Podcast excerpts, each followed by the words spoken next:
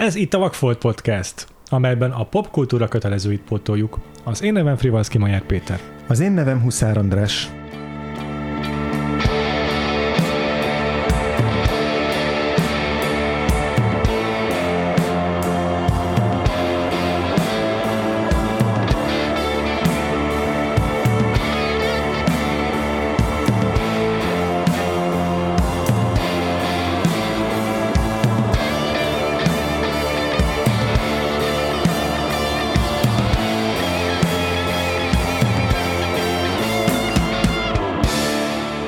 Elérkeztünk a magyar filmes évadunk végéhez. Ez az utolsó epizód ebben az évadban, most egy időre búcsút veszünk a Vagfolt podcasttól, de utolsó alkalommal még beszélünk a Kocsis Ágnes filmjéről, a Pál Adrienről, és az adáshoz vendéget is hívtunk. Itt ül velünk Rácz Viki. Szia Viki! Sziasztok! Köszönjük, hogy eljöttél a záró adására az évadunknak. És kicsit akkor beszéljünk arról a erről a 2010-es filmről. Ugye elérkeztünk a ezer forduló utáni magyar filmekhez. Először megnéztünk egyet 2001-ből a Török Ferenctől a, a, a, a Moszkva teret, és akkor ez még az utolsó hurrája az évadban a Vakfolt podcastnak. Nyilvánvalóan egy kicsit kevesebbet nézünk meg a kortárs filmekből, mert alapvetően a Vakfolt podcastban egyszerűen csak így a statisztikai okokból több a régi film, amit még nem láttunk. De ez egy, ez egy olyan film, ami kimaradt nekünk, pedig egyébként Kánban is bemutatták, és díjat is nyert. Mm, úgyhogy eh, meg meg a filmszemlén is díjat nyert, többet is, úgyhogy mindenképpen egy olyan film, ami figyelemre méltó. És akkor kezdjük azzal, Viki, hogy mesél nekünk, hogy te mikor láttad ezt a filmet, miért erre esett a választásod, amikor így nézegettel azt, hogy mik lesznek a témáink. Mm, kezdjük ezzel.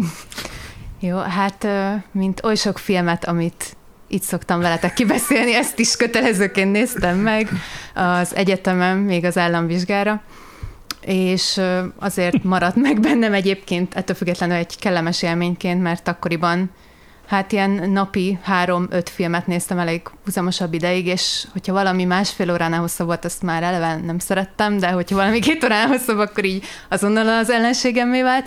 Úgyhogy amikor ezt elindítottam, és láttam, hogy ez valami borzasztó lassú film lesz, akkor nagyon nagyon fájt az élet, de, de megmaradt az, hogy mennyire, mennyire be tudott így is rántani, ennyire fáradtam meg, ennyire ö, túlterheltem már a mm. filmektől, és, és egy nagyon mm. jó élményként maradt meg, hogy, hogy ez az egész film, mint úgy valószínűleg, hát nem valószínű, hogy megnéztem volna egyébként, vagy találkoztam volna vele, hogyha nem, nem kell megnézni, úgyhogy ezért nagyon szerettem, és így volt kedvem újra nézni, úgyhogy ezért jelentkeztem örülök, rá. Örülök, hogy volt kedved. András, akkor te nyilván először láttad, uh-huh. hiszen vak voltunk mind a kettőnek a film. Mm, mire számítottál ettől a filmtől? Mit tudtál előzetesen róla? Ö, én csak azt tudtam, hogy, hogy egy túlsúlyos nő a főszereplője, és hogy valamiért nem megvolt az, és most nem fog eszembe jutni annak a rövid filmnek a címe, de hogy van, van, van, van egy rövid film, amit többször is láttam, amiben egy amiben egy takarítónő a főszereplő, és akkor ő beleszeret ott az egy, egy iskolába, és ott beleszeret egy, talán egy... Ez a kis hajninak a, a kis hajninak a rövid filmje, igen. És így nem tudom, valamiért én ezt a kettőt így összekapcsoltam a fejembe, hogy ez is olyan hangulatú lesz, meg olyan, egy olyan főszereplőt választ, aki keveset beszél, zárkózott, de így valami után vágyakozik, és valamiért nekem ez a kettő így összekuszálódott a fejemben, nem tudom pontosan, hogy miért ennyi volt igazából az, amit, az, amit úgymond tudtam erről a filmről, ami igazából semmi. Mert Azt mondtad róla, hogy ez egy másik ez, ez csak egy teljesen random egy párhuzam, aminek semmilyen értelmezési, nem tudom, haszna nincsen ennek a fejemben lévő összegobancolódásnak, de, de egyébként az úgy nagyjából azért bejött, hogy a főszereplője az, az milyen típusú karakter, és hogy mennyire kevés, kevés szóval kommunikál, és közben meg ugye egy amatőr színészről is van szó, és hogy, és hogy közben mégis mennyire az ő nézőpontjához tudunk majd csapódni, vagy csatlakozni a filmhez, úgyhogy uh-huh. neked? Nekem is ugye első élményem ez a film, most láttam először tegnap este, és én is annyit tudtam róla, hogy kórházban játszódik majd uh-huh. nagy rész, meg hogy a főszereplője túlsúlyos, és semmit ezen kívül az égvilágon. Mm, úgyhogy teljesen, teljesen. A hangulata, meg a tempója is nekem tök új volt. Uh-huh. És, és, és teljesen meglepődtem, hogy mennyire stabil kezekben vagyok, mennyire magával ragadó a film tényleg a lassú tempója ellenére. Ja, igen, ez ugye Kocsis Ágnesnak a második filmje, és ha jól tudom, akkor te láttad a friss levegőt. Nem te a Letterboxdról. De hogy is. Nem szoktunk puskázni adás előtt. Igen, véletlenül sem tegnap néztem felkészítésként. Igen, a friss levegő, ami a diploma filmje mm. volt a Kocsis Ágnesnek, és hát elég sok párhuzam találtuk meg, hát ugye a rendezői kézjegy az elég hangsúlyos mindkettőnél, hogy alapvetően ilyen elmagányosodó figurák, nők, a friss levegőből ugye van egy anyalánya kapcsolat van, és ott az anyuka az egy ilyen takarítónő, aki sikertelenül keres párt, a lány pedig, pedig ilyen hát ilyen szabónak tanul, vagy valami ilyesmi, de divattervező szeretne lenni. És akkor az is nagyon hasonló a Pál Adrienhez olyan szempontból, hogy nagyon kevés dialógus van, ez a távolságtartó kamera, uh-huh. de nagyon megkomponált uh-huh. képek, nagyon tudatos színhasználat, ez az ilyen furcsa, nagyon magyar rögvalóság, de közben meg egy ilyen fura, akármelyik évtizedben játszódhatna szociál uh-huh. világ. Uh-huh. Viszont ami, ami szerintem azért nagy különbség, és ami miatt mondjuk a Pál Adrien meg mondjuk már az Édent is láttam, ugye, ami Na, a legutóbbi filmje, mondjuk így ez, szerintem így simán a Pál Adrián a legnézőbarátabb filmje, akármilyen furcsa hangzik, Aha. mert ugye Pál Adriánnak van egy ilyen központi szála, rejtészála, amiről majd úgyis bővebben is fogunk beszélni, ami viszont például a friss levegőben nincs, tehát hogy ez egy tényleg egy ilyen nagyon lassú jelenfejlődés abban is van, de nem, nem nincs uh-huh. egy mhm. ilyen berántó műfai elem, úgyhogy azért az egy jóval nehezebb filmje. Uh-huh. Uh-huh szerintem. Pont ezt a meghatározást olvastam még azelőtt, hogy megjelent volna a film. Úgy értem, hogy akkor megjelent cikkből, ami még a film megjelenése előtt született, hogy ez egy ilyen belső road movie, mm. és igazából egész jól is passzol tényleg az elkészült filmre.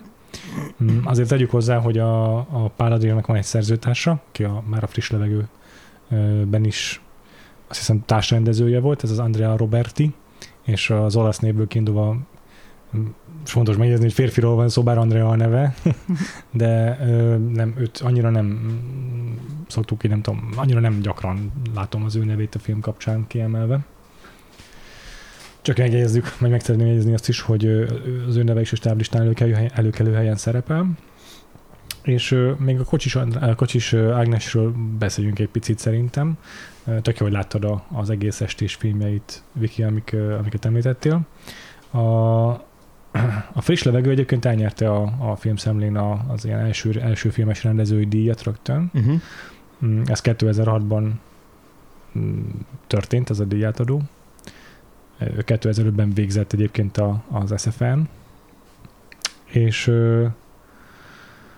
a, ezt, ezt is már mondom a szerzőtársával csináltam. A, ez, a, ez, a, ez a a, kocsi, a Pál Adrien pedig 2010-ben szerepelt a Cannes Filmfesztivál programján, és ott az igyekszem nem túl csúnyán kiejteni, un certain regard szekcióban nyerte el a, a díjat.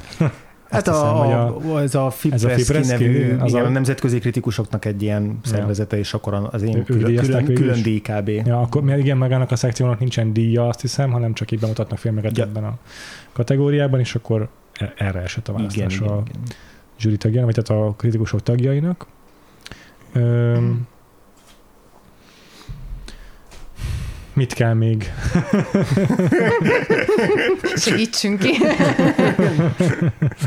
Azt még érdekes lett talán elmondani, hogy ez így koprodukciós film volt. Igen, itt, a, itt magyar, osztrák, francia és holland koprodukció, ami szerintem, mert erről beszéltünk is, hogy például a filmion miért nincs fent ez a ja. film. Ez lehet, hogy azért visszavezet oda, hogyha jól tudom, itt azért egy jogi hajszák voltak rendesen már a mozi bemutató idején is, Úgyhogy ö, ilyen szempontból egy viszonylag nagy költségvetésből készült viszont ennek köszönhetően Aha. ez a film. Aha. Ö, igen, és ö, hát én ilyeneket olvastam róla, hogy, hogy ezért ez is egy olyan, ami már az egyetemen megszületett, ö, mint ötlet uh-huh. a Kocsis Ágnes uh-huh. részéről, és ugye elég hosszú fejlesztési folyamaton ment keresztül, mire eljutott a forgatásig. Ö, úgy amatőr főszereplője van, akiről szintén majd még úgy is fogunk bővebben beszélni, a Gábor Éva. Igen akit kifejezetten erre a szerepre találtak meg, azt hiszem talán valami uh-huh. telefonos munkája volt előtte, Igen. vagy valami ilyen, ilyen, ilyen ja, típusú. Úgyhogy igen, egy ilyen elég, elég fontos fontos filmje ennek a 2000 után induló ö, generációnak ez a uh-huh. sima osztályok, amiben ugye Török Ferenc is tartozott az előző adás témája, meg Pálfi György, meg Hajdú Szabolcs, ja. Akik ezek, ezek, ezt a közönségfilmes helyett kifejezetten ezt a szerzői vonalat vitték uh-huh, uh-huh, uh-huh. színműről kijöve. Egyébként a, a Pál Adrient így a Gelencsér Gábor a magyar film 1.0-ban a könyvében hasonlítja is picit a taxidermiához, Pápa György filmjéhez, mert hogy abban is szerepet kap a túlsúlyosság, meg a múltban játszódik, vagy hát a múlt feldolgozásával foglalkozik, úgyhogy ilyen hasonlóságokat lehet felfedezni a kettő között. Meg hát igen, azt is kiemeli, hogy igen, a friss levegő is egy ilyen időtlen környezetben játszódó, kicsit meghatározhatatlan korszakban zajló film, amely egyszerre, mintha a közelmúlt lenne, vagy a jelen, és valóban vannak ilyen hasonlóságok a Pál Adriennel ebből kifolyólag, ahol ugye a múltkeresés az egy fontos szerepet játszó elem. De, de tök ez a film szerintem, rengeteg mindennel foglalkozik, tehát a Pál Adrien úgy értem. Mm, kezdjük el szerintem szétszárazni ezt a filmet. Azért foglaljuk össze, miről Igen, szól. alapvetően egy, egy karakter tanulmányról van szó, tehát a, és nem a, nem a Pál És nem a Pál Adrien a főszereplőnk, a Pál Adrien az a hiány a filmben, ami mozgatja aztán meg, ami beindítja a, a cselekményt. De a főszereplőnk a Piroska, aki már közel 20 éve dolgozik ugyanannak a kórháznak a, a az ilyen elfekvő, hát, nem tudom elfekvő osztályán, igen, és és ott a időseket ápolja, illetve rendszerint látjuk, ahogy a, vagy rendszeresen látjuk, ahogy ő gördíti le az elhunytaknak a, a, a, a tetemét a halottas házba és mellette megismerjük a magánéletét is, együtt él egy férfival, a Kálmánnal. Uh-huh. Znamenák István játszom. És, és egy ilyen eléggé eseménytelen üresnek tűnő életet él, és akkor ebbe érkezik egy olyan ilyen báratlan ö, egybeesés, hogy fölvesznek az osztályra egy Pál Adrien nevű idős hölgyet, akinek a neve az megegyezik az ő gyerekkori legjobb barátjá, barátnőjének a nevével, akivel nagyon rég elvesztette a kapcsolatot. És akkor így ez valamit elindít benne, és igazából beindul egy ilyen nyomozás, hogy elkezd, megpróbálja felkutatni, hogy mi történt Pál Adriennel, meg közben felkutatni azt is, hogy ők most pontosan miért is szakadt meg ott a barátságuk, és, és akkor nagyon sok emberrel így találkozik, ilyen Volt tanárokkal, osztálytársakkal, igazgatóval, mindenkivel, és ahogy így haladunk előre a történetben, ez a nyomozás, ez így elindít benne olyan belső folyamatokat, amik ilyen változásokat változásokra sarkalják az életében, ezek nem ilyen gigantikus horderejű változások, de így szép lassan így kinyílik a, a, az élete, és így közben meg a, a, ami izgalmas nagyon a filmben, az az, hogy gyakorlatilag minden, bárkivel beszél, mindenki teljesen egymásnak ellenmondó információkat ad, már teljesen másképpen emlékszik a, a régi ö, iskolai évekre, és gyakorlatilag így ahelyett, hogy egy, egy rendes nyomozásnál egyre bővülnének az információk, és így a puzzle darabkák a helyükre kerülnek, egyre inkább széttöredezik így a, így a múltja, és aztán így jutunk el a, a végkifejletig, amiről majd úgyis beszélni fogunk. Uh-huh. De hogy azzal együtt, hogy így megvan ez a cselekmény, azért alapvetően ez egy lassú tempójú És abszolút film. nem úgy kell érezni, egy nagyon-nagyon nyomozós és nagyon fordulatos. Nem, nem, nem, nem, nem, nem, inkább nem egy kicsit epizódikusan, tehát így felkeres embereket, beszél velük, a jelenetek azok általában elég hosszúra nyújtott, lassú, jelenetek, lassú párbeszédekkel, a főszereplő eleve keveset beszél, tehát hogy ez tényleg ez egy, az a típusú film, aminek így a tempójára nagyon bele kell helyezkedni, hogy ne az legyen, hogy ne, nem tudom, 20 perc után türelmetlenül elkezdünk beletekergetni. Uh-huh. Jó, akkor szerintem kezdhetjük nagyjából a filmet ezekkel a témákkal, amiket felvetettél. Az első az az, hogy a vagy hát akkor én most ezt választom, hogy hogy, a, hogy felvezetted, az a piroska, visszaemlékszik egyfajta módon a Pál Adrienre, meg a, az egész iskolai ö, millióre, és hogy gyakorlatilag mindenki, akivel beszél, legyen az tanár vagy diák, egykori diáktársa, teljesen más, hogy emlékszik arról, hogy kikivel volt barátságban, kikit utált, Igen. Ö, minden, minden kapcsolatra egész más, hogy emlékeznek az emberek, és a fontos témája a filmnek ez a, a, a memóriának a, nem is tudom, kiszámíthatatlansága, megbízhatatlansága, inkább ezt a szót használnám, ezzel kapcsolatban az első kérdésem az, hogy szerintetek egyébként a piroskának az emlékezése az százszázalékos? Tehát ő, az ő, ő a barátsága vajon a Pál ez tényleg olyan még valami lehetett, hogy ő emlékszik erre vissza, vagy az már ilyen wishful thinking? Hát ez nagyon kedvesen a nézőre van hagyva szerintem, abszolút, Aha. hogy hogy értelmezi. Elég gyanús, hogy valószínűleg nem százszázalékosan úgy van, ahogy ő gondolja, hanem inkább ez tényleg arról van szó, hogy kezdünk egy olyan karakterrel, aki egy teljesen ugye tényleg ez az ilyen élő halott gyakorlatilag, mint akikkel egy osztályon dolgozik, meg akiket ápol, és hogy neki ez a régi emlék, ami visszajön, ez nyilván egy ilyen visszavágyódás és valami Igen. olyan időszakban, amikor boldog volt, vagy ő úgy emlékszik, hogy boldog volt. Hm. De hát, de hát ez azért er-, elég gyakran rácáfolnak arra, amiket ő felhoz emlékként. Viszont van egyébként, tehát azért van olyan, aki őt erősíti meg, mert van olyan beszélgető, hogy tényleg ez a Pál Adriennel nagyon jobban voltak, de hát rengeteg, aki nem, meg mm. hogy az, hogy ő nekik attól még, hogy barátok voltak, milyen volt a kapcsolatuk, az is így lebeg van hagyva. Tehát valószínűleg ilyen ideális, tökéletes lelki társak voltak. Ugye ő így emlékszik erre vissza, hogy ők így egymás gondolatait kitalálják, de hogy ez inkább kicsit arról szól valószínűleg, hogy a, ma már nem talál ilyen embert, vagy hogy hiányzik ez az életéből, mert ugye hát a Kálmán, akivel uh-huh. együtt van, ott is azért kapunk ízelítőt már a legelején abból, hogy ez egy ilyen réges-régen nagyon elhidegült, nagyon inkább fusztráló kapcsolat, mint bármiféle boldogságforrás, úgyhogy, úgyhogy neki nincs az életében ilyen, és nyilván ezért elkezd visszavágyakozni, de az, hogy valaha volt-e ilyen boldog, az azért eléggé homályban van hagyva. Ja. Viszont az is érdekes, hogy egy idő után, és főleg a film második felében többen is elkezdenek mesélni, meg visszaemlékezni a Pál Adrienre, és olyan dolgokat mondanak, amikre azt mondja a Piroska, hogy ez én voltam. Mm. És, és az a kép, amit olyankor lefestenek a Pál Adrienről, az egy ilyen nagyon boldog, nagyon aktív, nagyon nyitott ja. kislánynak a, a képe, és ugye nyilván ez is egy feldobott labda, hogy most akkor a, a rosszul emlékeznek-e vissza, de én ezt mondjuk úgy értelmezem inkább, hogy a, hogy a piroska lehet, hogy teljesen más volt gyerekkorában, vagy, vagy, vagy hogy a 20 év alatt eljutott valóban eddig a tetsz halott vagy élő halott állapotig, de hogy, de hogy itt hirtelen nem csak arról van szó, hogy egy, egy régi barátságára emlékszik vissza, hanem hogy mintha ő is most eszmélne rá, hogy ő régen így még élt, meg így voltak ilyen uh-huh.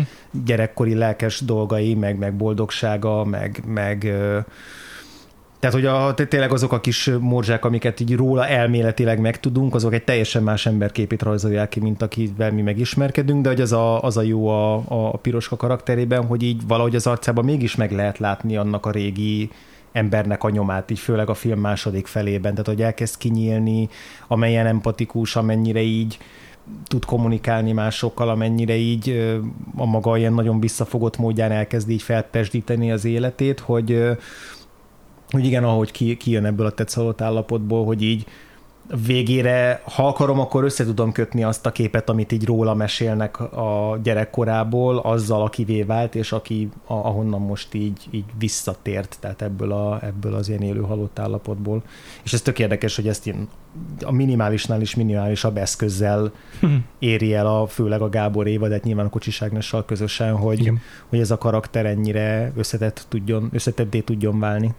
Hát igen, egyre fokozatosan válik olyanabbá, mint amiről beszélnek, hogy milyen volt, meg tényleg az is benne van, hogy itt, itt nem csak arról van szó, hogy a, ő most magányos, és az ember hiányzik az életéből, aki a Pál Adrián volt, hanem tényleg az, hogy ő milyen volt, meg hogy mondjuk mennyire nem tudta beteljesíteni önmagát, mert hogy ez is egy ilyen visszatérő dolog, hogy ő milyen okos mhm. volt, mi minden memória játékot nyert meg, meg ilyeneket, uh-huh. és akkor, hogy ez egy ilyen, ez a gifted child probléma, hogy mondjuk ő lehetett egy ilyen olyan gyerek, aki azt gondolta, hogy mondjuk nem éppen ilyen jövő áll előtte, mint amit végül uh-huh. elért. Hmm. Ja. Nekem ez is az egyik ilyen fontos motivuma volt a filmnek, hogy a 20 év alatt, az, miután, amiatt, amiatt nem találkoztak az osztálytársak, az alatt mennyire meg tudnak változni az emberek, tehát maga akár a Pál Adrián is, de egy csomó osztálytársáról így kiderül, hogy egészen más habitusú figura lett belőle, mint amilyen még az iskolában volt. Van egy srác, aki tök sikeres, és akkor egészen furcsán viselkedik a Pál Adrián.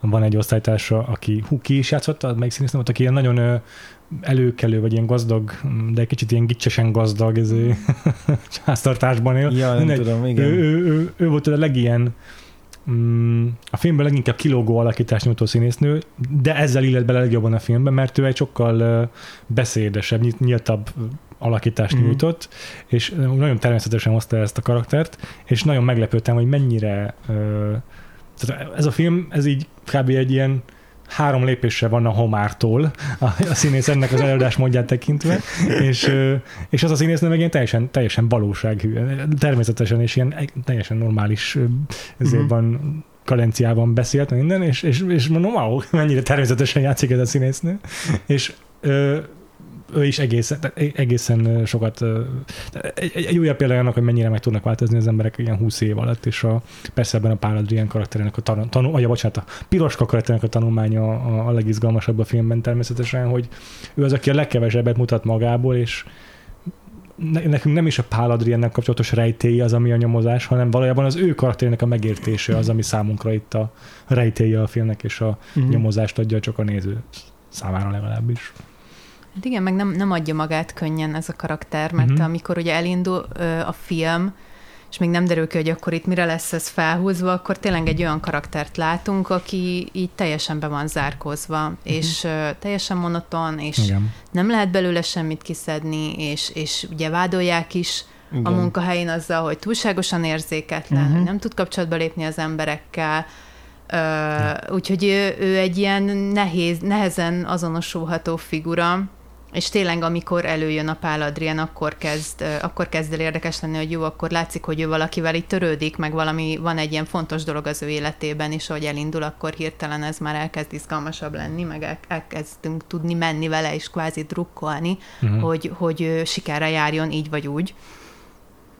Igen. És egyébként meg a, a, az ő beszéde is változik, vagy az ő, Mhm. uh-huh. ahogy említetted azt, hogy a homártól pár lépésre vagyunk, és ez tök, tök jó az a, a, a párhuzam, de hogy a, hogy a film végére a párbeszédek azok picit megmarad ez a kicsi ilyen, nem tudom, magyar filmes mesterkértség. De egyébként ez néha. a film ez tudatosan De hogy amúgy meg egyrészt nagyon tudatos, másrészt meg változik is. Tehát, hogy a film elején még mindenki sokkal ilyen robot hang, robotikusabban beszél, főleg mondjuk a főszereplő, és a főszereplő a vége felé már sokkal több szint visz a hangjába, tehát a, mondjuk a, az autószerelő műhelybe azzal a sráccal való beszélgetésénél is már ilyen tök könnyen meg lehet fejteni azt, hogy mit érez éppen a hangsúlyozásából, és a film elején tényleg még csak ilyen, ilyen teljesen monoton hangkordozásban mond mindent. Aha. Szóval ez, ez egészen biztos, hogy ténylegesen egy rendezői instrukció. Ja, igazad lehet. Igen. Mm, és hát vele kapcsolatban a leg- legnagyobb ilyen rejtély, nem legnagyobb rejtély, de egy ilyen teljesen homályban hagyott dolog, hogy mikor és milyen hatására esik totális depresszióba Mhm. igazából, mert hogy valószínűleg a... Ez, na ez a jó kérdés, hogy ez összefügg a munka választásával, vagy pont annak köszönhetően marad meg a szakmájában 20 éven keresztül, hogy ő már évtizedek óta depressziós, és, és így nem hagyják meg az olyan dolgok, amik ott történnek az idős emberekkel, mert, mert így érzelmileg elzárkózik a külvilágtól a Pál Adrián, a, a piroska teljesen, úristen. Tudom, hogy így hívják a főszereplőt, csak Nem tudhatjuk, hogy nem egy és ugyanaz a személy végül is nincs rendesen rácáfolva. ez egy nagyon David Lynch fordulat lenne. szóval elég hamar kiderül a filmben azért, vagy hát így lassan összeáll a kép, hogy ő egy depressziós karakter, és az, hogy a munkájában ennyire érzéketlen és ennyire, hát igazából hatékony sok, sok tekintetben, mert ő, őt például nem hagyja meg az, hogyha pelenkát kell csinálni idős, idős emberen, az lehet, hogy ebből fakad. Vagy ez elősegíti. Igen. E, Szerintem erről egyébként szerintem nem igazán mond semmit a film. Tehát, hogy ez, ez például nehéz kihámozni, hogy most pontosan mi történt vele, és miért Ja. lett ilyen, Ja. amilyen, amilyen Igen. lett. Tehát ebbe, ebbe szerintem nem, Ebben nem nyújt- kell nem nyújt keresni. támpontot, meg Mhm. nem vet föl lehetőséget, egyszerűen csak el, Ez egy szituáció, tehát- amit prezentál igen, igen, a film. prezentálja számunkra, hogy valahogy ez alatt a 20 év alatt így beszűkült az élete erre, Igen, a, igen. erre a, az állapotra. Igen, egyetértek. És hát ebből a kiinduló pontból pontakozik ki a, a, a film, és ismerjük, és, és, és kezd el egyre jobban kinyílni a piroska. Hmm. A filmnek szerintem egyébként egy ilyen ezzel kapcsolatosan nagyon, ezzel szorosan összefüggő motivuma az a halállal kapcsolatos viszony, meg a, a halállal való, vagy az elmúlással való szembenézés is. Igazából a depresszió szerintem egy nagyon közel álló dolog ez, és ebben is rengeteget változik a piroska, én szerintem. Hiszen az elején így szemtelen hangon hívja fel a hozzátartozókat, mikor mit tudom, az egyik idős beteg reggelre meghal, és akkor közölni kell a családtagokkal ezt a szomorú hírt. Hát abszolút nem úgy teszi meg, hogy bármiféle empátia is Mhm. hallatszik a hangjában, teljesen tárgyilagosan, robotikusan kezeli azt is, és akkor a filmnek van az a szakasz, amikor már annyira megszállottan keresi a Pál Adrient, hogy eljut a kórházban betegeskedő egykori tanárnőjéhez, és nyilvánvalóan azért van nála a tanárnőnél, mert a, ki akar belőle húzni valamit a Pál Adrienről, de nagyon sok időt tölt vele, és van egy apró jelenet, amikor a, a, azt látjuk, hogy arra ébredt fel, hogy elaludt hogy a tanárnőre ráborulva, vagy ráhajolva, és az egy igazából ott egy nagyon mm, az, a- ott már azért nehéz azt mondani, hogy csak a Pál Adriennel való megszállottsága miatt Mhm. ö, ennyire elhivatott, és ott minthogyha lenne egy ilyen, egy ilyen változás megint csak Piroskában, ahol a, a törődés az idős haldoklók iránt az, az, az megjelenik nála, és, és, és elkezd egy ilyen gyöngétség kialakulni benne valaki iránt, aki haldoklik, és nem, tehát nem csak a, a múltjával való szembenézésről szól, és az egykori érzéseinek a fel, újra felfedezéséről szól ez a film, hanem szerintem az aktuális helyzetéről is, és az azzal való viszonyáról is szól ez a film. Igen, meg szerintem ő, vagy én legalábbis úgy értelmeztem már az elejét is, hogy tényleg ez egy ilyen védekezési mechanizmus, hogy Mhm. uh-huh. elzárt, tehát nem arról van Aha. szó, hogy ő Értem. ilyen Adottsága foglalkozik, mert hogy ugye van ez, amit így kéri az orvost, hogy neki ne kelljen telefonálnia, és az nekem inkább azt jelenti, hogy, hogy nem azért, mert hogy ezért, mit tudom én, nincs kedve, nem pont az, mert hogy ez neki nem jó, tehát hogy őt ez azért megviselni, és ez az ilyen tudatos kizárás, hogy csak azért is kizárom az érzelmeimet, mert hogy nem, le, de nem, nem lehet máshogy szerintem ott dolgozni, Ja. hoz húzamosabb ideig, hogy ne őrülj meg, és akkor ez viszont tényleg annyira jól működik neki, hogy emiatt már így a magánéletére is ez meg ráteszi a bélyeget, és tényleg emiatt már azzal vádolják, hogy semmiféle érzelme nincs, de hogy szerintem neki ott van, csak ugye annyira sikeresen tudja elnyomni, hogy, hogy emiatt itt tényleg elhiszi mindenki, hogy akkor ő egy teljesen érzéketlen ember. Aha, aha. Ja, igazad van. És ez a, ami neki uh, ilyen, hogy a legtöbb ember az ilyenfajta ö, szituációkat, vagy ilyen, ilyen érzelmi nehézségeket kompartmentalizálja, bezárja, és akkor csak akkor veszi elő a doboz kulcsát, amikor aktívan akar foglalkozni vele, vagy nincs más választása, de egyébként meg így bezárja egy ilyen kis szellemi dobozba, de ő nem ezt teszi, hanem őnek egyszerűen az egész élete egy nagy kompartment, amiben így be, be vannak zárva az érzelmei, és, és ez, ezt fel akartam vezetni, egy gondolattá. Menni fog. Évad vége van, hiszünk benned. Magánéletére is kihat igazság szerint valami ilyesmit akartam ezzel kapcsolatban mondani.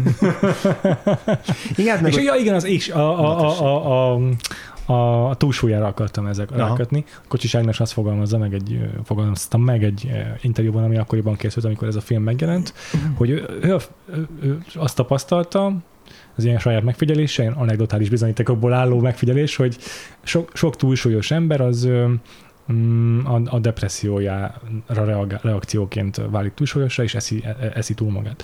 És akkor ezt akarta filmre vinni a, a piroska karakterével, a Pál Adrienben, hogy ö, egyszerűen semmilyen mm, produktív módon nem képes kezelni a saját depresszióját, hanem eszik. És akkor ezért van egy csomó jelent a filmben, amikor, amikor csak szemtelenül ücsörög, és valami nagyon-nagyon geil, nagyon édes dolgot, tortákat zabál. És sokszor ezt úgy, hogy tényleg valami egészen, egészen ö, mm, súlyos nem tudom, kórházi mm, ilyen fekélyes izé kezelésről vágunk, és akkor utána a következő jelentben eszi a tortát a piroska. Igen, illetve ezzel így lázad a, a hát nem félre élettársa Mhm. ellen, mert hogy ő meg ugye folyamatosan ezzel cseszegeti, Aha, hogy fogyókúrázzon, ami ugye kb. csak még rosszabbá teszi ezt az egészet, mert akkor viszont Az tényleg biztos. éjszaka, meg izé, még annyira is, és ez az ilyen folyamatos küzdelem ezzel, mert hogy így nyilván kiderül is a filmben, hogy nem ezzel oldja meg a problémát, hogy cseszegeti, hanem azzal, hogy így magába megtalálja ezt a, ezt a másik dolgot, ami kitölti ezt az űrt, amit addig sütivel töltött ki. Igen. Ja. Igen, mert hát az élettársa Kámenő egy ilyen nagyon kontrolláló figura, aki igazából egy ilyen, mintha egy, egy ilyen projektként kezelné a, a piroskát, ami egy ilyen teher a vállán, még a nem tudom, egy, egy mellékállás a főállása mellett, körülbelül ez az érzelmi viszonyulása hozzá. Uh, alig van otthon eleve, tehát hogy így rengeteget így utazik a munkája miatt, ami ráadásul film tele van ilyen nagyon szimbolikus megoldásokkal, hogy, hogy ő pont ilyen, nem tudom, valamilyen spermadonorokkal mm. foglalkozik, vagy tehát, hogy így mindig elbüszkélkedik, hogy hány, nem tudom, megtermékenyítésen van túl azon a héten így a cége, és ugye ezzel szemben a, a, a piroska meg, meg halottakat, halottakat, vagy haldoklók veszik körül, és, és akkor még így a lakáson belül még az a hobbi a, a Kálmánnak, hogy egy ilyen egészen valószínűtlen ilyen hobbivárost, ilyen miniatűrvárost épít föl, és akkor ott is van egy, egy az élettelen lakáson belül van egy élettelen, vagy egy emberek nélkül ide élő igen. miniváros. Nagyon nincs a szimbolikus. Tehát, hogy így igen, igen, igen, igen, igen. Szép. Um, nem tudom, erről a témáról akarunk még, de beszéltünk így külön az epizódjairól a filmnek, mm. meg a különböző mellékkarakterekről. Egy kicsit. Vannak egészen, egészen nekem ezzel kapcsolatban egyébként a, az első, ami feltűnt a filmben, hogy mennyire szuperek a, mennyire szuper a diszlettervezés, mert hogy akármilyen helyszíne megy piroska, azok, a, azok a, a, az épületek, azok a belső terek már maguk is beszélnek és mesélnek a karakterekről, akik azt betöltik. Mondom, már kiemeltem azt a figurát, aki valamilyen vállalkozónak a felesége, és akkor ő maga is ilyen butikokat csinál, és akkor az egész házuk tele aranykeretes nagy festményekkel, meg minden ilyen csupa dísz. Igen, meg oda egyébként az a kedvencem, hogy amikor így beinvitálja a piroskát, és leülnek, és így, hmm. és így a háttérben csak ilyen, ilyen füstüveg mögött így valami ember úgy mozog, és akkor oda megy, és így igen. behúzza azt az agyat, és így nem derül így ki van ott egyébként. valószínűleg de hogy igen, igen, az is egy ilyen... Igen. De az egész karakternek is a, a, a viselkedés az ilyen tökéletesen valószerű, meg ilyen mindenki találkozott már ilyen figurákkal, hogy kőgazdag valószínűleg, és úgy viselkedik, mint aki nagyon-nagyon szívesen látja piroskát, majd a, mikor már úgy úgy érzi, hogy kezd kifogyni a szufla a beszélgetésből, akkor mondja, hogy amúgy már valami dolgom lenne. Jaj, meg se kínáltalak semmivel. Ez a legjobb, amikor így már a búcsúzáskor jut eszébe, hogy meg se kínáltalak semmivel, mikor neki biztosan kellene. hát meg ugye ő, ő kvázi ebb büszkélkedik azzal, hogy ő bullying volt annak idején a piroskát, tehát hogy ő küldött el egy olyan Jó, az túlzás azért. Hát, nem bullying. De te nem tudod, hogy az milyen dráma lehetett az a levél. Hát azt mondta, azért az, az, az ottan Hát de azt mondta, hogy utána nem tudom, meddig izé nem... Három évig nem beszélt, nem tudom, milyen mesél. Igen, De ez igen, nem bullying, igen. hát ez gyerekek ilyen csinál, ez ilyen, ez ilyen ez irigykedésből csinálta. Az nem bullying, ilyen gyerekek, gyerekek ilyet alsóba simán csinálnak. Hát a bullyingot is simán csinálják. De attól még nem ugyanaz a kettő. Szerintem is egyébként simán belefér. Abba a viselkedésében biztos, hogy így úgy adja elő, mint na, hát ez semmiség volt, tehát úgy is megbocsátották hát, amúgy már tényleg azóta. semmiség volt szerintem. Hát azért... Hát jó, de pont ez a film egyébként meg arra világít rá, hogy azok a dolgok, amik történtek Igen. veled általános iskolában, azok elég befolyásolják az, az, életedet. Neked nem semmiségek voltak akkor. Igen. Aha. Igen. Jó, igen. De azért itt meg a levelet az a csaj ismert neki, az egy nagyon izé, tragikus dolog volt, hogy, hogy, hogy, hogy irigykedik a nem tudom ki, mert őt szereti a srác. Péter és a bullying mosdatás. Mik kirenderülnek? Jó, de úgy Vajon te hogy... miket csináltál általános iskolában? Én, ezt úgy értsétek, hogy én annyira rendben vagyok magammal, hogy én nem már csak röhögök, hogy ez gyerekkorunkban milyen, mi drámáztunk. Hát ez a különbség köztünk, igen. ja, értem, hogy másonnak ez sokkal nagyobb probléma, bocs. Még egy tökre emlékszem, emlékszem én is arra, hogy általános iskolában egy olyan osztályban jártam sokáig, hogy itt 32 fős osztályból 26 lány volt, és ilyen 6 fiú. Kb. ez volt az arány. És és így ezért nagyon kevés olyan srác volt, akkor még azért így lányokkal nem barátkozik a gyerek, tehát így nagyon nehezen azért barátkozik egy fiú gyerek lányokkal, úgyhogy csak az a hat fiú volt lehet választani kb. És akkor volt két nörd, a többiek meg a normális, szóval nagyon szűk volt a mesdje, és akkor um, volt két srác, akik olyan jobban voltak, mint a filmben, ahogyan a piroska mm. hiszi magát, meg a bál az ilyen, nem tudjuk. Vagy te úgy emlékszel rá, hogy olyan jobban Igen, lehet, csinálni. és, és nagyon jobban voltak, és, és én meg soha senkivel nem tudtam annyira jobban lenni, mint őket, mm. tök hasonló volt. És az egy levelet. és tök hasonló volt az is, hogy aztán az, a két srác közül az egyik elköltözött egy másik városba, és ez konkrétan az történt, hogy a, az a srác, aki meg ott maradt velünk egy osztályba, a, azt történt, hogy a, a, a, a két jó barát közül, a, aki elköltözött, uh-huh. azt az iskolából vitték el a szülei, hogy akkor most mennek, költöznek pápá. Nyilván már tudták előre, csak így nem az volt, hogy akkor egyik nap már nem jött be, hanem az iskolából ment el az óráról. Aztán. És a másik srácot sírva orhalt ki utána az, az iskola udvarára, wow. hogy, hogy izé, többet nem látja.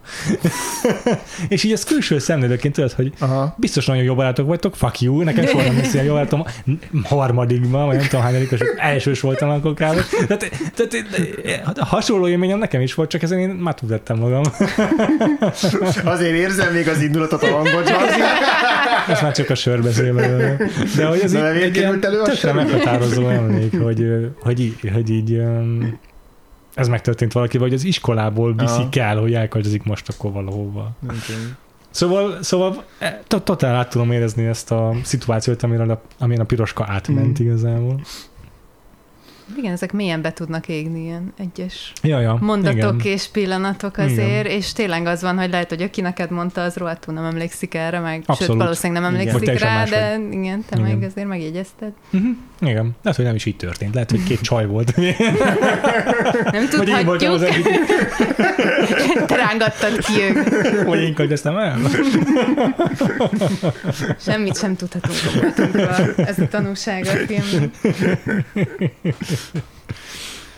Ja, ja, ja, de tényleg egyébként jó, jók ezek a kis, ilyen kis egy-egy jelenetes szereplők, amikor megjelent a Turóci Szabolcs. Igen, igen olyan az a jelenet, amikor a bárban, ugye akkor már másodjára látjuk. De Kere- karaoke, karaoke bárban, mint egy ilyen, nem tudom. Mint... Ki van tartva a felvétel, ez egy percen keresztül minimum, hogy valaki elkezd énekelni egy karaoke bárban, egy, egy statikus felvétel, igen.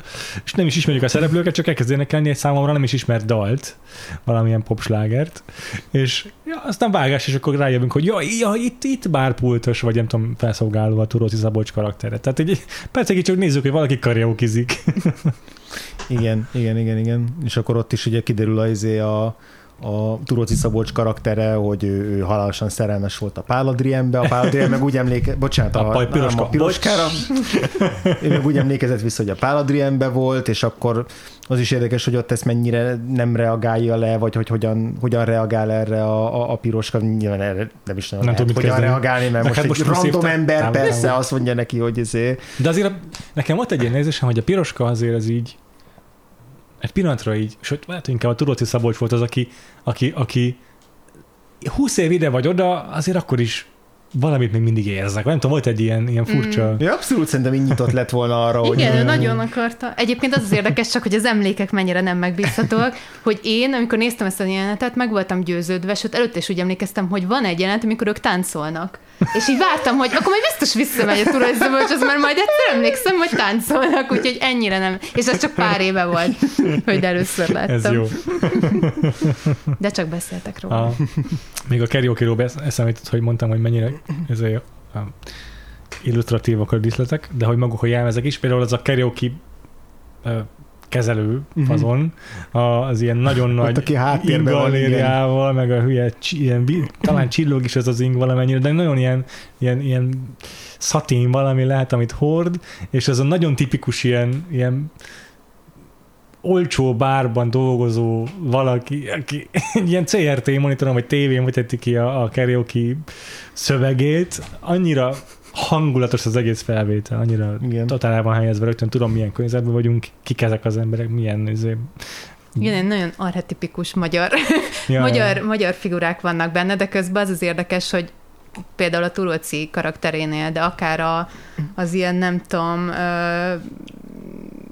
milyen izé, konyhai eszközöket áruló ja, tényleg az a, piramisos csávónál. Nincs kimondva, de és hogy így, hogy igen, tehát hogy így ö, egyszerre tényleg ezek a ki vannak figurázva, de közben meg mégis olyan ö, szimpátiával és ilyen szeretetteljesen tudja őket igen, a kocsis ábrázni. Tehát hogy, tehát, hogy nem érzed azt, hogy jó, most így ki van röhögve, nem ja. tudom, mindenki, hanem itt tényleg ilyen, vagy például az autószerelő is egy teljesen Abszolút. szimpatikus Abszolút. figura ilyen szempontból. Igen. Úgyhogy Úgyhogy egy, én szerintem egyébként egyedül, aki, vagy legalábbis nekem, aki egy ilyen mentetetlen figura, az a Kálmán, tehát hogy aki mm. egy ilyen konkrétan negatív szereplő, hát tele, és a... még őt is megértem a végén a monológiában, hogy, hogy ő mondjuk neki ezt milyen volt átélni, és hogy tényleg ő neki is érthető, hogy miért készült ki ebbe a kapcsolatba, de hogy ő, ő nála nem éreztem annyira azt, hogy ilyen kicsit felmentő szimpátiával van ábrázolva, mint a többi Mhm. karakter. Ja. Picit erről akarok beszélni meg ezzel kapcsolatban Kocsis Ágnes rendezéséről, hogy most egy hete néztük meg a, a, a, Moszkva teret, és abban is tök sokat rögtünk azon, hogy a tipikus magyar vállalkozó, meg ügyeskedő, milyen érdekes figurák, a csúlyaim, a karakter, mit tudom én, hogy ott is megvannak tök hasonló archetípusok, ugyanez a társadalmi réteg legalábbis, így a, a jövedelmüket tekintve, mint amit ott itt látunk, és hogy abban a filmben inkább nosztalgikusan röhögünk azon, hogy ja, ilyenek a magyarok, itt meg inkább tényleg, amit te is mondasz, hogy egy érzékeny egyetértéssel, vagy, vagy, vagy, vagy nem egyetértéssel, hanem együttérzéssel ábrázolja ezeket a karaktereket Kocsis Ágnes, és e- simán lehetne, hogy ugyanebből a scriptből lehetne egy olyan filmet, vagy egy olyan tónusú karakterábrázolást csinálni, mint a Moszkva térben, ahol nosztalgiával vegyes humorral állunk hozzá ezekhez a karakterekhez, de lehetne egy olyat is, ahol meg szatirikus gunnyal állunk hozzá, hogy milyen röhelyesek ezek a figurák, és mindhárom tudna működni, és egy sort se kéne átírni a scriptben ehhez. És ez szerintem egy tök markáns húzása a Kocsis Ágnesnek, hogy, hogy, hogy tudja úgy távolságtartással ábrázolni Mhm. a figuráit, hogy időközben mégis mindegyikükkel tudunk szimpatizálni, és, és tényleg nem az van, hogy csak tárgyilagosan nézzük ezeket a figurákat, mert, mert mindegyik annyira expresszív, éppen annyira expresszív csak, hogy, hogy, hogy meg tudjon nyílni a néző felé, a, a, a színész az alakításán keresztül, és, és tudj velük menni, és, és ne csak ki, külső megfigyelőként nézd őket, meg ne, meg, meg ne is a, mondom, az érzelmi skálának ezzel a két végletével mm, fogd fel őket, vagy, vagy fogad be őket, hanem, hanem tényleg inkább egy ilyen, egy ilyen mm, együttérzéssel mutatja be ezt az egész társadalmi réteget. De egy komplet ilyen társadalmi tablót mutat be ebben a filmben igazából a Pál Adrián.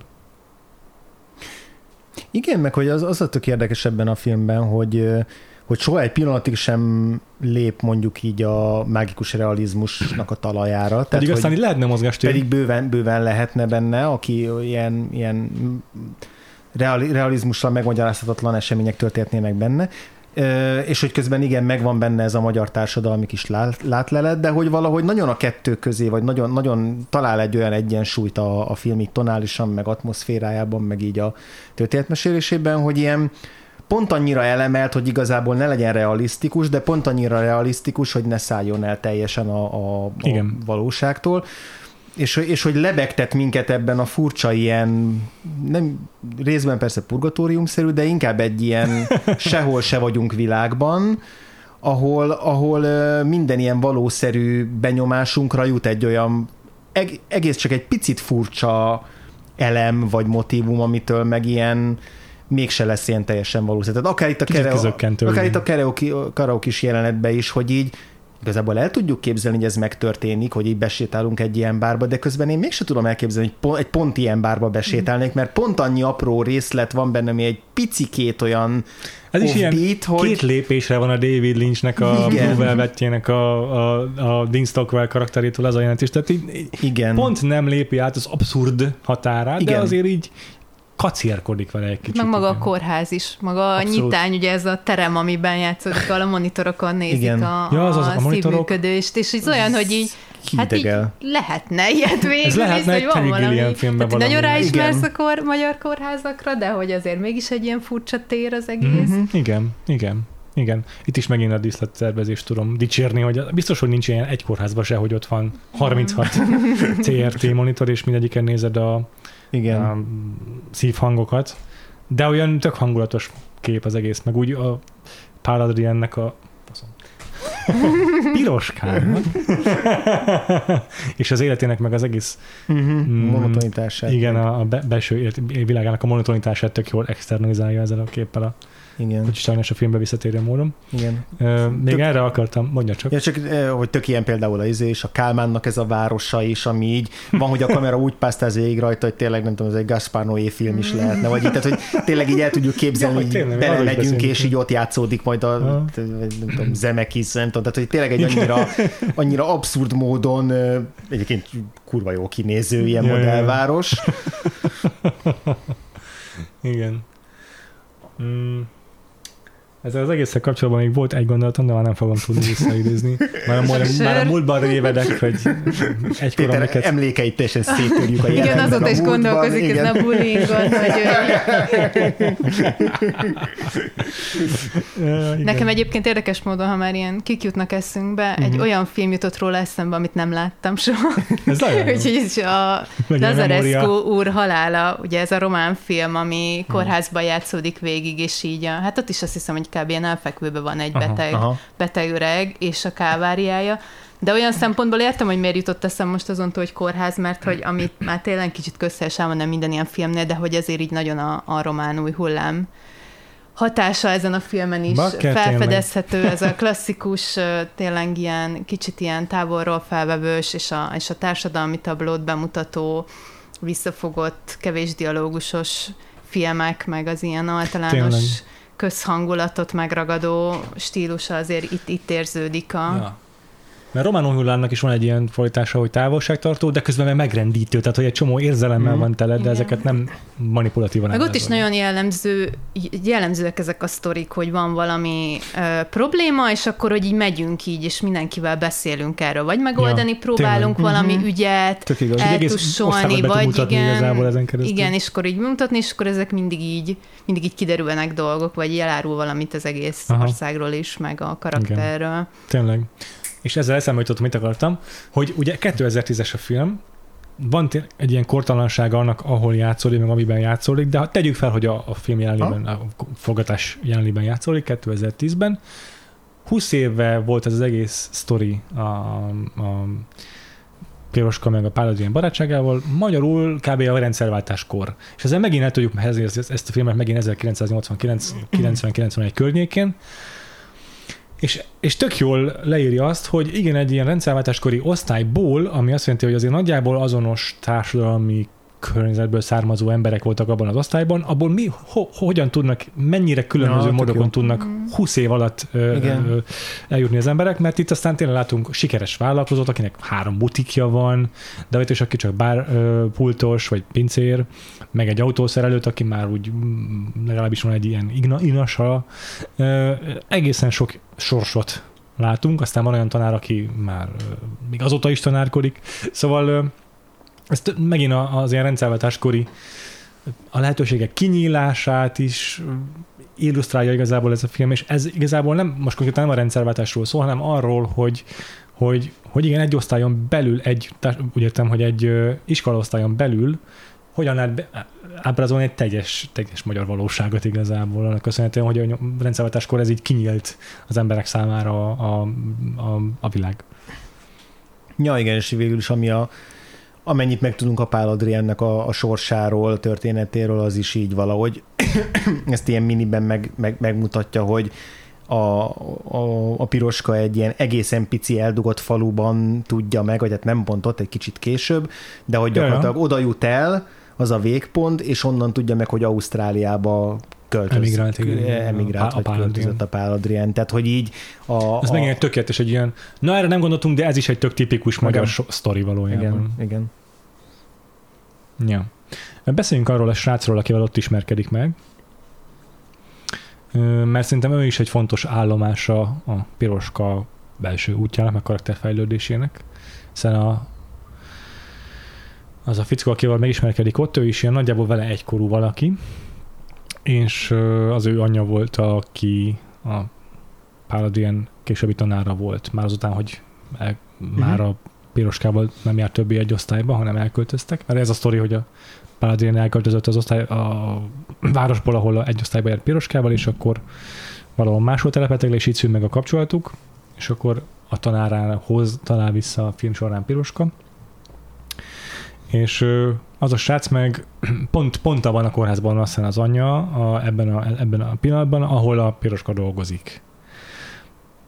és akkor igazából itt van egy ember, akinek közvetlen kapcsolata van a, a, a haldoklókkal, az elmúlással, és meg el is hangzik a filmben az, hogy ő már azért készül arra, hogy az anya meg fog halni, igazából már így konstatálta ezt sokkal régebben. Tehát ő, ő már így internalizálta ezt a, ezt a, azt, hogy a halál az egy az az ő életének, életének a realitása vagy része. És a, a piros, piroska meg ugye végig kizárja ezt valójában.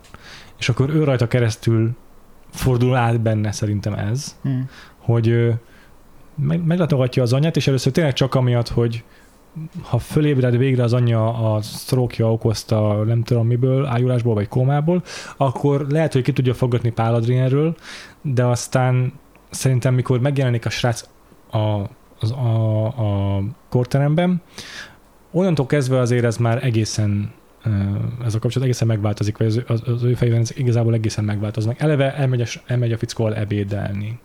Hirtelen a, a világa már nem csak a Pál Adriennel kapcsolatos megszállottságáról szól. Ö, úgyhogy kellenek ezek az emberi interakciók számára, az, hogy nem csak a, a Kálmánnal találkozik egész életében, meg a, meg a Pokornél által játszott karakterre, hanem úgy másokkal is, hogy, hogy, hogy meg tudjon változni ő is belülről. Igen, illetve lehet úgy is értelmezni ezt, hogy ott, ott így gyakorlatilag egy kiérdemli azt a Igen. bizonyos cetlit, amit a végén megkap, mert hogy ugye ezt először így nem árulja el neki ezt a fontos infót. Tényleg, Ez hogy a, ő amúgy... Igen, hanem amikor utána már tényleg az van, hogy nem csak arról szól, hogy saját magának fontos az, és arról szól az egész, hogy a Pál Adriánról kiderítsen mindent, hanem van egy ilyen önzetlenség, önzetlen segítés, akkor hirtelen tényleg eljuthat a válaszhoz, ami hát, hát ki hogy értelmezi, de mondjuk úgy, Ja. hogy Ja. beteljesítette a küldetését ezzel. Ja. És itt van egy érdekes a filmen, amit én még most is emésztek, vagy próbálom értelmezni, hogy a, a film epilógusa vagy zárójelentei úgy következnek egymás után, hogy először látjuk a piroskát, hogy egy, talán egy óvodában vagy egy iskolában van, de fiatal gyerekek között, akik így nyüzsögnek, és ilyen nagy a zsivaj, és tele van élettel. És akkor mondom, hát akkor most biztos ez egy flash forward, és eltelt öt év, és már nem a halottak, hanem gyerekekkel foglalkozik. Aztán a túrót, vágás megint, és ugyanúgy dolgozik tovább a kórházban. De ez a zsúrra gondolsz, nem? Igen, igen, igen, igen. De az a barátnőinek a zsúrja azért van. ott. Ja, jó, csak én azt hittem, hogy ott már ő mit tudom Ja. én, ez egy óriási változás az ő életében, hogy gyerekek Ah. között ilyen komfortosan érzi magát, Mm. mert azért egész eddig ő idősekkel, meg halottakkal foglalkozott, és most az ugye ez egy óriási kontraszt. Ez, ez tényleg ezt a szerepet tölti be szerintem a jelenet, csak én azt hittem, hogy ott tényleg egy, egy, egy, egy, egy sokkal jelentősebb változáson ment át a, pál, a piroska karaktere, Mm. de nem, csak csak részt vesz a zsúron simán. De, de akkor is van egy fontos, hangsúlyos szerep annak a jelenetnek szerintem, hogy ott a piroska úgy nem érzi magát diszkomfortosan igazából. Azt mondom, hogy nagyon jól érzi magát, de hogy nem az van, hogy elzárkózik a, kül, a, a körte lévő emberektől, hanem talán ott ugye gyerekekkel így játszik is, vagy segít nekik, vagy nem tudom. Mm. Tehát hirtelen így kinyílt a, a, a, a világ felé, meg a meg mondom, az életet, meg az élet, meg a, meg a nyüzsgést azt így elkezdi befogadni, és, és sokkal kevésbé monoton innentől kezdve az ő élete szerintem. Ez volt, ez volt az én benyomásom arra Mhm. a jelenetről, hogy ott van egy ilyen, a karakterfejlődés egy externalizálva megjelenik. Mm. Mm, Én abszolút elfogadom. Én igazából csak azt úgy tekintettem, hogy egy picit egy ilyen kikacsintós tényleg megmutatás, hogy ez az életkor, meg azok a gyerekek, akikkel van, és hogy ő így azért eléggé kilóg már belőle, amit ugye keres Igen. ez a, ez a régi nagy barátságok ugye, a lányok között, mert ott mindenki ugye a kislányok táncolnak egymással, és ilyen kis Ja, zsúrban. ja, ja. De igen, aztán végül is a film végére visszatérünk vele együtt a kórházba, és ugyanúgy dolgozik tovább, és ugyanúgy nézi a moni- mo- De monitornak van két nagyon fontos momentum. Az egyik az első, még ami korábban bekövetkezik, amikor megosztja a süteményt a fiatal kolléganővel, akit ugye Az először ízében. direkt szivat, meg nagyon Mhm. nem akarnak ki segíteni, Ja. hogy betanítsa, a második meg, hogy a legvégén már nincs is nála sütemény. Mhm. Úgyhogy ez Mhm. az ilyen Mhm. megpecsételés annak, hogy akkor ő így tényleg végigment valamin. Ja. Ja. Lehet, hogy valahogy túltette magát a depresszióra maga do-it-yourself módszerével. Hát jó, szerintem az mondjuk az, ez, ennek egy ilyen, nem tudom, hát viszonylag ö, könnyen interpret, vagy ilyen, nem tudom, nem is könnyen interpretálható, hanem egy ilyen beszédes ö, ábrázolása az, amikor így elkezdi kitakarítani a lakását, így nem tudom, beengedi a fényt, új bútorokat tesz bele, kicsi lecserél, megjavítja a szobabiciklit, nem tudom, tehát hogy így miután kiköltözik onnan a Kálmán, utána azt, azt, azt a sötét, mindig sötétben látjuk, mindig ilyen, ilyen, ilyen nagyon szürke, nagyon lehangolt életkörnyezetbe, hogy azt így elkezdi így, nem tudom, ilyen levegősebbé, meg, meg ilyen, ilyen komfortosabbá tenni, és akkor az is egy ilyen lépcsőfok, ja, de hogy ez, ja, ja. Ez szerintem ez is így azt, azt, azt jelzi, hogy így elkezd kilépni abból az ilyen megrekedt állapotból, amiben, amiben egészen addig láttuk, és akkor ez az összes ilyen egy-egy ilyen stációja, vagy egy, nem, nem is igen stációja, inkább csak egy-egy ilyen jele, jele, jele ja, a ja, egyetértek. folyamatnak. Király. A Kocsis Ágnes rendezéséről akarok még beszélni, konkrétan a kamerakezeléséről, mert azért rendezéséről, tónuskezeléséről már csomót beszéltünk, de szerintem tök izgalmasan kezeli a kamerát. Elég sok az ilyen egészen hosszan kitartott snit, meg nagyon agilisen kezeli a kamerát is. Ugye Fillenc Ádám volt az operatőre a filmnek, uh-huh.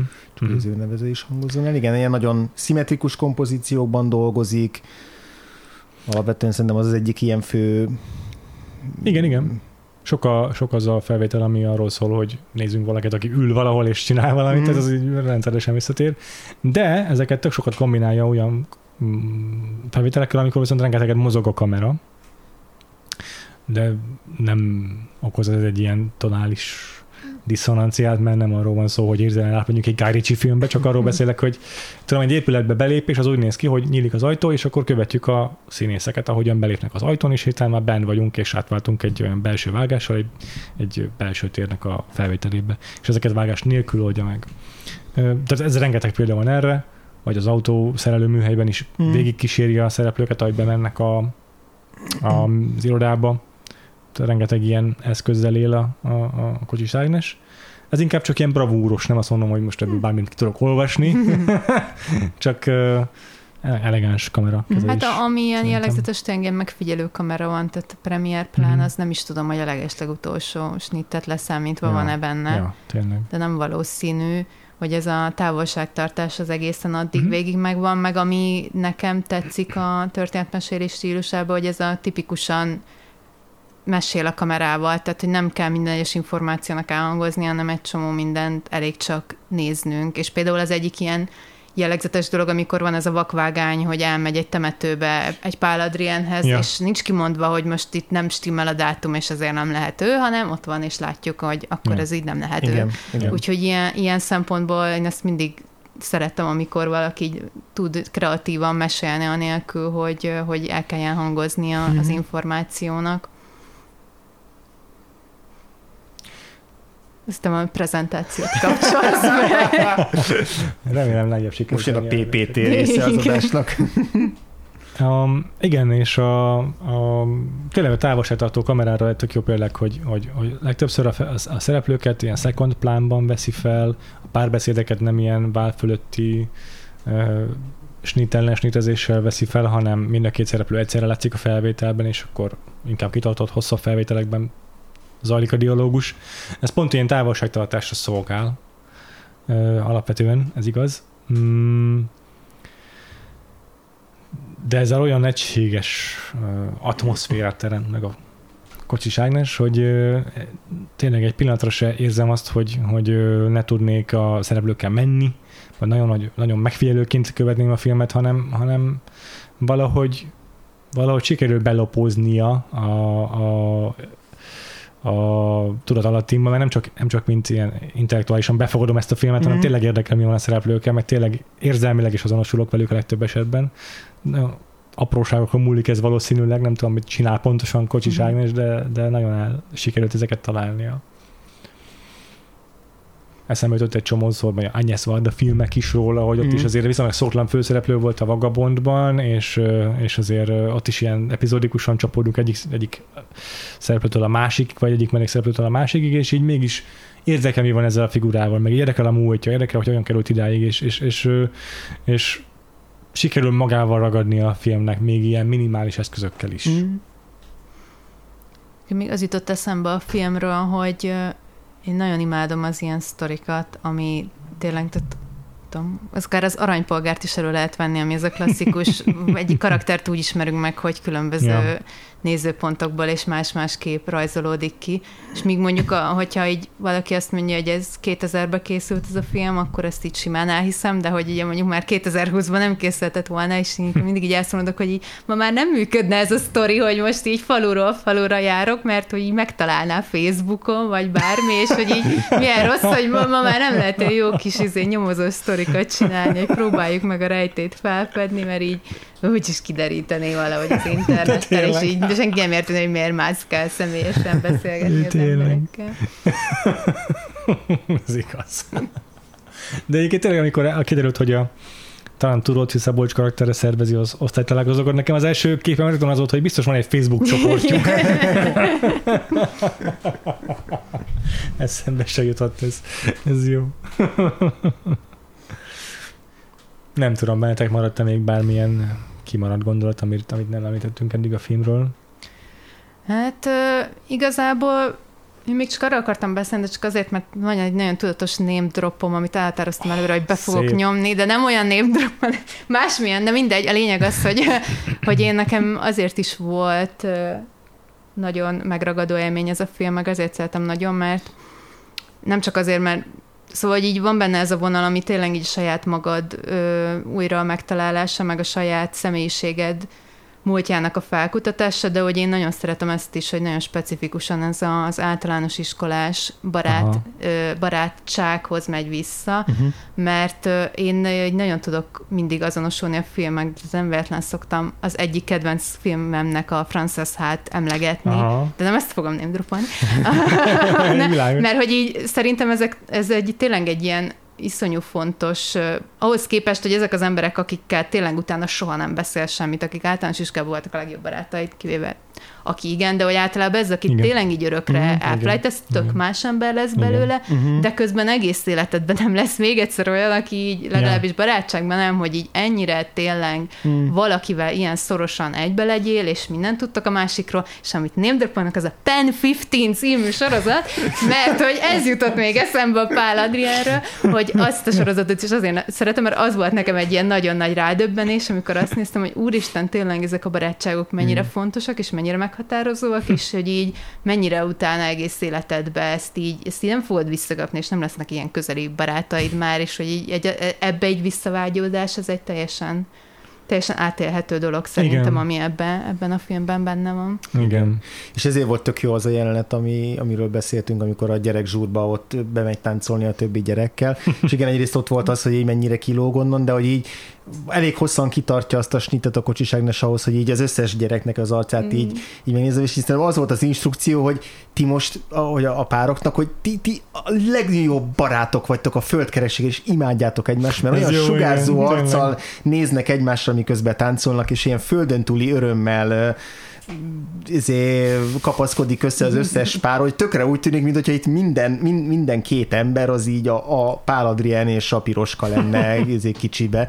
És az De jó. egész jelenetnek az atmoszférája az, hogy ezt, ezt, ezt, pont ezt az ilyen ö, akkor ilyen örökké tartónak tűnő, de aztán lehet, hogy akár egy fél hónap múlva már izé, darabokra hulló ö, ilyen kapcsolatokat mutat be. Nekem egyébként annyival ányolom, ez tök igaz, amit mondtam, meg tök, tökre nekem is megvannak ezek az élmények, hogy nekem pont az volt a leginkább, ami megfogott a Pál Adrienben, hogy x idő elteltével mennyire meg tudnak változni tényleg az emberek. Nekem nem Mhm. is feltétlenül általános iskolai ismerős, hanem már csak egyetemről koleszos ismerős, és akiben nagyon-nagyon jóban voltam, és együtt egy szobában laktunk, mit tudom én, mennyire meg tud változni ennyi év alatt is, pedig az még nem is- tíz éve, hanem kevesebb volt. És persze ugyanaz az ember, mert ugyanúgy beszél, mit tudom én, de hogy, de hogy találkozok vele, és így látszik, hogy most már apukák vagyunk, vagy tudom, az Mhm. úgy nagyon meg tud változni az ennyi idő az ember, hogy tíz év vágás eltelik, és így, és így hirtelen szembesülsz vele, hogy hogy mennyi, mennyi minden történt az ő életében, amiből én kimaradtam. Uh-huh. És igazából erről is szól ez a, ez a Pál Adrien című film. Igen, szerintem. meg illetve azért, tehát akivel, jó még akivel gimivel vagy jó, meg egyetem, meg ilyesmi, hogy nagyobb esélye maradtok hasonló emberek, mint tehát, hogy tényleg az általános Ja. iskola az olyan, hogy ez így akárki lehet az az Abszolút, ember, aki igen. ott a legjobb barátod volt, Igen. és emiatt nagyon, mert már igazából össze-vissza spoilereztünk, úgyhogy már mindegy Persze. spoiler warningot mondani, hogy emiatt nagyon fontos, meg tök logikus az a döntés szerintem, hogy nem telefonál, Igen. Igen. Ugye, abszolút. mert hogy ez Ez- így tök fontos, hogy ezzel őrzi meg ezt az emléket, hogy akkor ez egy szép barátság volt, hogy inkább nem akarja tudni, hogy, hogy mi van a túloldalon, és hogy reagálna az Adrián. És hát az, hogy nem telefonál azzal, itt szerintem azt is jelzi számunkra a film, hogy nem a Pál Adrián keresése volt a célja a filmnek, hanem a, a Piroska saját magának a megkeresése. Igen. Igen. Jó, ez egy tök jó záró gondolat is, úgyhogy szerintem most már csak egy dolgunk van hátra ebben az adásban, hogyha a hallgatóink eddig kitartottak, akkor uh, egy fontos közlendőnk van. Viki, ez a 11. alkalomot, hogy a Vakfolt podcastban szerepeltél, és mi szerettük volna megünnepelni a tizediket, csak az egy távoli, nem személyes felvétel volt, úgyhogy beléptél a tíz, tíz, tíz, tízszer vendégeskedő klubjába, ketten vagytok benne, Cyclo és te. Ah. Úgyhogy üdvözlünk a Ten Timers Clubban. Hát nagyon köszönöm, hogy ennyiszer elviseltetek. és még reméljük, hogy nagyon sok alkalmunk lesz arra, hogy, hogy vendégül lássunk téged a Vakfolt podcastban. Ebben a tízben benne vannak a Patreonos alkalmak is, sima Vakfolt adások, Vakfolt verzusok is, abban is voltál, nem emlékszem már, de hogy nagyon-nagyon sok vendégeskedés, és nagyon köszönjük, hogy ennyiszer visszatértél hozzánk, és hogy nem unsz bennünket, és nem mondasz nemet a hülye kéréseinkre. Hát szívesen, máskor is. és akkor ezt az alkalmat ezért legutóbb is megünnepeltük, Száglóval is megünnepeltük, úgyhogy akkor a hagyományt azt most is őrizni fogjuk, és akkor egy pillanatot kérek. Jézusom! Én, én erről nem voltam tájékoztatva, nevezetesen. És itt van az általános iskolai legjobb Ne, az nagyon kínos lenne. Ó, te király, mint a Pál Adrienben. Köszönöm szépen fagyizni fogunk, hiszen nyár van. És így élő adásban így most ezt elnyomjuk. Igen. Mindig valahogy nyárra esik az, hogy tizedik alkalomra jön hozzánk vissza valaki, úgyhogy fagyizunk. Köszönöm szépen. szívesen. De most már mindig szeretnék kapni valamit, ha jön. Most már van Patreonunk, már belefér. Gyorsan jövök még párszor, hogy a 15 jöjjön. Erről most a kamera, vagy mi kamera, a mikrofonba tépésről jutott eszembe, hogy a hangkulissza nagyon jó volt a filmben, erről nem beszéltünk Egyébként külön. igen. De egyébként igen. nagyon erős, és a friss levegőben is nagyon jó volt, szóval itt feltűnt, hogy tényleg erre, erre nagyon Igen, ez ügyel. a, a kórháznak a nem csak a, a gépeknek a pittyegése, hanem eleve az egésznek a, a most nem jut eszembe az a szó, de a room tone, igen, tehát az a, Mm. az a, a szobá, vagy a helyiségnek az alap ö, ilyen zaja, az így annyira, annyira nyomasztó volt végig, tehát annyira, annyira Tényleg. rosszul éreztem magam, hogy ott be vagyok zárva ebbe a kórház közegbe. Nekem volt egy-két hangeffektus, ami nem tetszett, meg olyan nagyon utólagosan oda kevertnek tűnt, amikor így pruntyog valami, nem tudom. De amúgy, amúgy igen, egyetértek veletek, hogy tök fontos szerepe volt az atmoszféra megteremtésében. Nem mindig volt szerintem a leg, legdrágább hang eszet megvéve azért, de, de nem volt rossz. De jó, hogy szó mondtatok, mert ez, ez, ez, nekem is feltűnt, amikor néztem a filmet, csak elfelejtettem mondani. Közben így akarunk valamit mondani, így a A magyar évadról. Ja, igen, a, nem pár, tudom, pár gondolatot mondhatunk. Értékeljétek ki Igen, a magyar igen. Ja. Hosszú lett, azért ez a július, ez már Mm. így rendesen megterhelő volt. Azért nem, nem véletlenül szoktuk tartani ezt a januártól május végéig, meg szeptembertől december végéig tartó időszakokat, azért szerintem Ja. már kezdtük érezni, hogy ez Ja. kifáradtunk Ilyen- ilyen a nem lesz, az biztos, Igen, de- egészen szerintem azért is fáradtunk egy kicsit a végére, mert az elején még nagyon vitt a lendület, hogy tényleg megnézzük az összes nagy klasszikust, meg a 60-as, 70-es éveknek ezt az olyan óriási új hullámos boomját így, Meg ez a FOMO, végigélni most, Hogy igen. Ha most rövidebb lenne az évad, akkor annyi hiányosságunk lenne. Igen, igen, de hogy ugye a 90-es évekre, vagy 80-as, 90-es években már így érződött az is, hogy a filmek is így változtak. Nem lettek rosszabbak, csak hogy más, más jellegűek lettek. Más, aztán. más, abszolút, persze. Hány filmet néztetek meg? Jézusom. évadban? Ez a 26. adás, azt hiszem, hogy 20, ja, 26. Vagy nem, 26. volt a Ma- maszkatér. Ez úgy 26. hogy a, ugye volt egy, volt egy külön kiadásunk, úgyhogy 26 film akkor összesen plusz a 27. rész, akkor a 300. Hmm. igazából. És melyik volt a top három kedvenc magyar filmetek, amit Yes. most néztetek Van. meg? Most átmegyek Varga Feribe, és átveszem a beszélgetés Ez menetét. jó. Úristen, ezt tudni kell, miket néztünk még, de amúgy nagyon-nagyon sok jó film volt. Vegyél példát, ő már puskázik. Ja, tényleg. Még már, már nyitom a letterboxot, ne viccelj. Ötödik pecsét, az azért illik mondani szerintem, amúgy talán nagyon jó volt. Illik mondani. Utáltad, de mégis meg kell mondani. ja, szóval nem merem bevallani, de nem, amúgy nem, tényleg nagyon, nagyon, nagyon szerettem. Mm, fúha, nehéz kérdés. A körhinta az azért megmaradt Mm, nagyon. Jó válasz, jó válasz. Hú, mi volt még? Én nagyon élveztem az álmodozások korát. Tényleg azt én is nagyon Ez élveztem. nagyon friss, meg nagyon, nagyon üdelendületes film volt. Ja. Mm, nekem a, a, az örökbefogadás, talán az a, Ú, az a, mennyi- a, mennyire a az kedvencem, meg a, a nagy felfedezésem, hogy az mennyire szenzációsan jó Mindketten film nagyon volt. szerettük, hogy Buékot is nagyon szerettem, az is egy kellemes Érdekes. meglepetés volt. Érdekes. Igen, az- kellemes Oké. meglepetés volt. Neked, Diplomatikus. neked, nekem a Moszkva tér az nagy élmény volt, hogy végre megnéztem, és hogy Annyira mennyire, mennyire élveztem. Uh-huh. Na, annyira örültem, hogy ennyire szerettem a maszkot előtt, mert nyilvánvalóan tök jó film. De azért nem volt garantálva, hogy rajongani fogsz érte. Ja, ja, abszolút, igen. igen. Nagyon, nagyon vitt magával.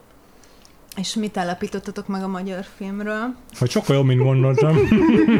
ne, ami még inkább igaz az, hogy, hogy most is szóba hoztál András, ez a tipikus ilyen izé szöveg, hogy a magyar színészek azok ilyen A verzió színpadiasak, B verzió mon- monotonak, vagy nem tudom, hogy rohadtul nem igaz. Tehát szerintem a 26 filmben maximum egy vagy kettő volt olyan, ahol ez így néha Mhm. előfordult, és akkor sem minden színésszel.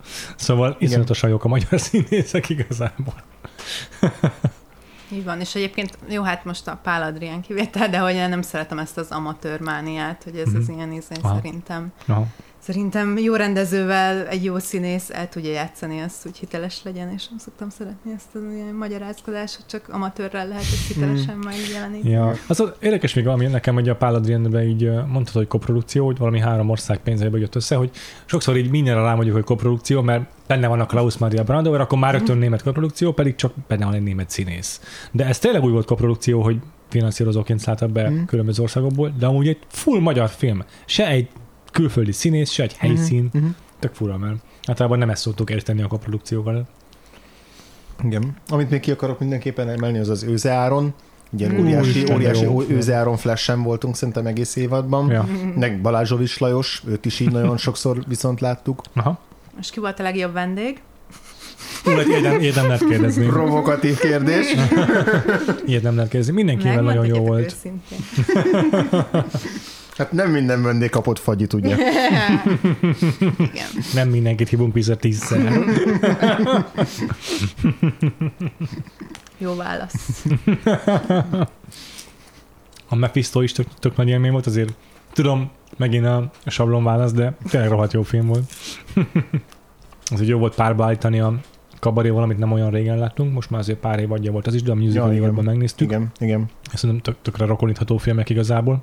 A Gyulavitész téren nyáron adásunk szerintem az egy, az egy ilyen örökérvényű dolog lesz, az Reis Gábor, nagyon élveztem, bár egy ponton átmentünk, abban idézgetünk a filmből, de akkor is. És, És- megvan már a következő évad témája? Amúgy lehet, hogy be kéne jelenteni lassan. Lehet, hogy nem ártam, igen. Itt most, exkluzív. Ja. Akkor mondjuk be most, Jó. ez kimegy szerdán, akkor addig előtte a Patreonon bejelentjük, hogy ők előbb kapják meg. Jó? A szervezettség, igen. Igen, igen, mert a már ki akartam posztolni, csak nem volt rá időm. De a jövő évad témája, kedves hallgatóink, exkluzív Breaking News, animációs filmek lesznek. Még nem állt össze a menetrend, de Herceg Zsófi segítségét kérjük ahhoz, hogy összeállítsuk, úgyhogy bízunk benne, hogy jó lesz. Eddig úgy szoktuk csinálni, hogy van egy longlistünk, ugye általában ilyen 20x filmből áll egy évad, és akkor kb. 40-50 filmből szűkítjük le az alapján, hogy hogy a vendégeink mit preferálnak. Most azért nem, nem így fogjuk csinálni, hanem, hanem szinte eleve Zsófival egy ilyen kurált listát fogunk összeállítani, amiben próbálunk egy mindenbe bele kóstolni. Az animáció alatt tehát lesz szó klasszikus Disney animációtól kezdve ázsiai uh, animéktől, animéken át a stop motion produkciókig, az Artman stúdióig, mindenfélebe bele kukkantunk, meg kísérleti filmeket is próbálunk, majd attól függ tényleg, hogy mennyi mozgásterünk lesz, mert akkora nagy ez a falat, az animációs műfaj, vagy hát nem is műfaj, hanem médium, hogy ö, abba a rövidebb szeptembertől decemberig tartó időszakban lehet, hogy nem fog beleférni minden, de minden.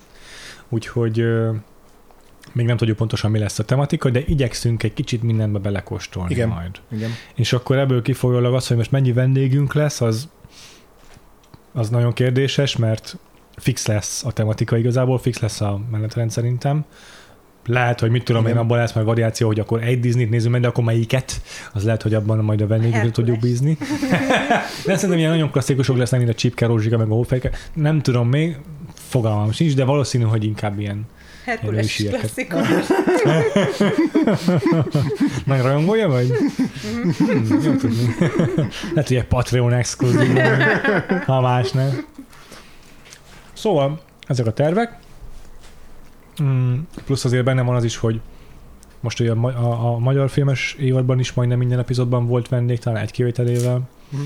Előtte volt a vendégévad, amiben a- értelemszerűen.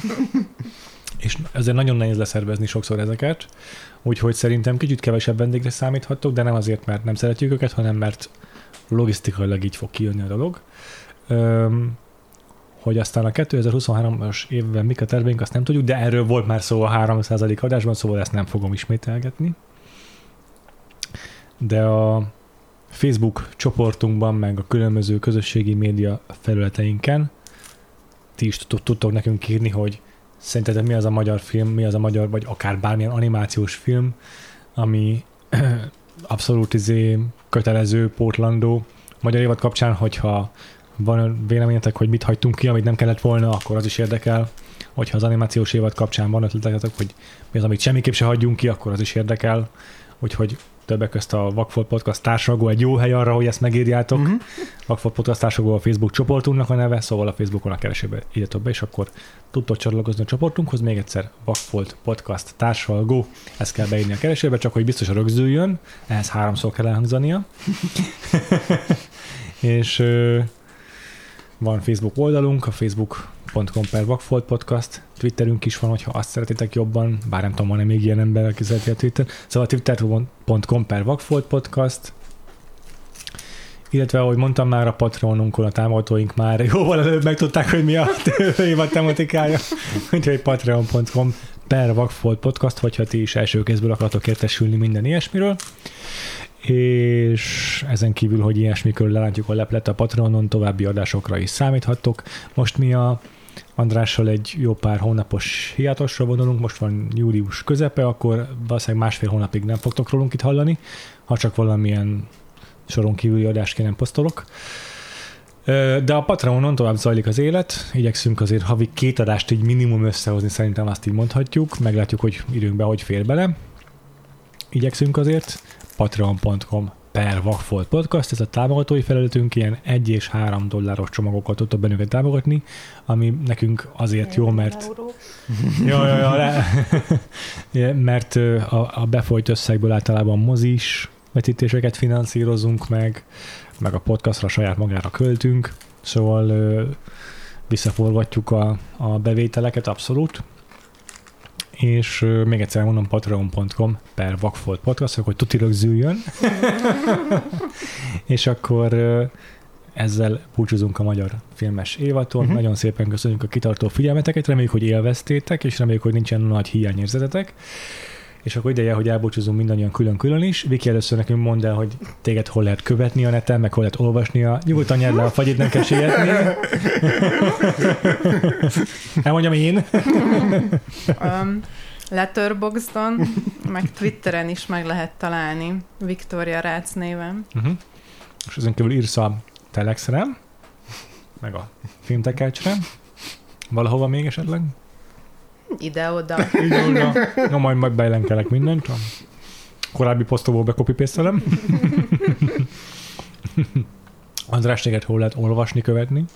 Nagyjából hasonló, csak Gains néven, ugye a legtöbb helyen. Kivéve a. Telexon, ahol a polgári nevelen szerzel. Most volt egy cikked a Tom Cruise-ról. Neked Viki, mi, mi a legutóbbi telexes szerzeményed? Bez Lurmanról írtam. Jó, nagyon jó, úristen, de jó. Mindenképpen meg el fogom olvasni azt is. És én nem írok a Telexre, de a Twitterre igen. Ugyanaz. Twitter.com per Freevo néven, kettő elvel, Letterboxdon ugyanez a user nevem. És akkor ezzel mindannyian búcsúzunk. Nagyon szépen köszönjük a figyelmet. Viki, neked köszönjük a 11 vendégeskedést. Köszönöm szépen a fagyit, és hogy itt lehettem. és akkor hát jövőre, igazából szeptemberben találkozunk. Addig is sziasztok! Sziasztok! Sziasztok!